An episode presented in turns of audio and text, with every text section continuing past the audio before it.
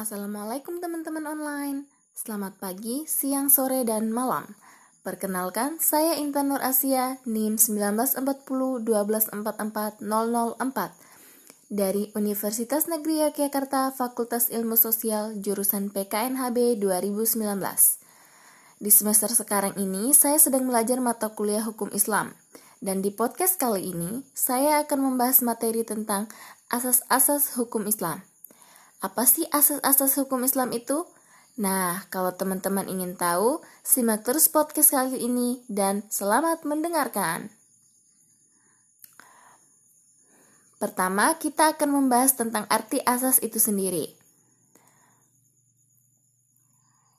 Asas berasal dari bahasa Arab yakini asasun, di mana memiliki arti dasar, fondasi, atau basis maka asas ini dapat diartikan secara bahasa yakni landasan berpikir.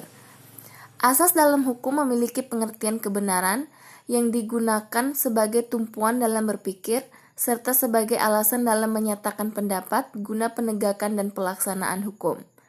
Jadi, asas hukum Islam adalah tumpuan dasar dalam berpikir dan alasan menyatakan pendapat dengan berdasarkan Al-Quran dan hadis.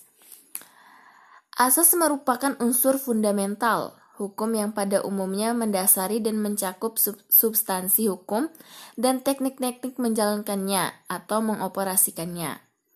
Oleh karena itu, asas secara umum bersifat penyimpul, mirip dengan makna kaidah.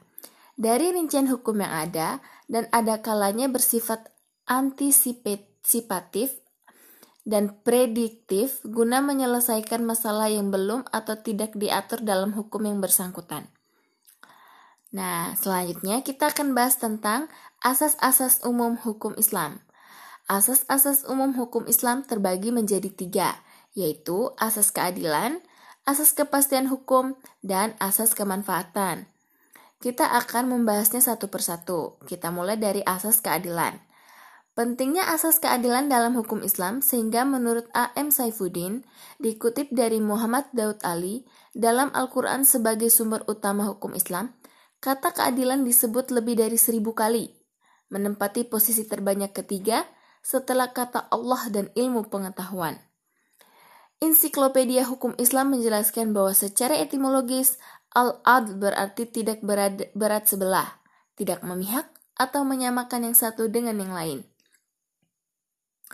Kemudian, asas kepastian hukum. Asas kepastian hukum adalah sebagian dari ciri negara hukum – sebagai salah satu aspek dalam kehidupan hukum, kepastian hukum menghendaki adanya kepastian dalam hubungan antar orang dalam masyarakat. Untuk maksud itu, yang berhubungan erat sekali dengan masalah kepastian hukum itu adalah dari mana hukum itu berasal. Artinya, hukum itu harus berasal dari sumber yang mempunyai otoritas yang sah dan karena itu ditaati dan mengikat.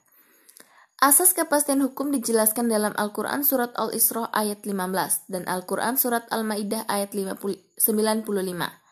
Dari dua ayat tersebut dapat dipahami bahwa suatu perbuatan tidak dapat dikenai sanksi hukum kecuali ada ketentuan perundang-undangan yang ada terlebih dahulu dibandingkan perbuatan itu.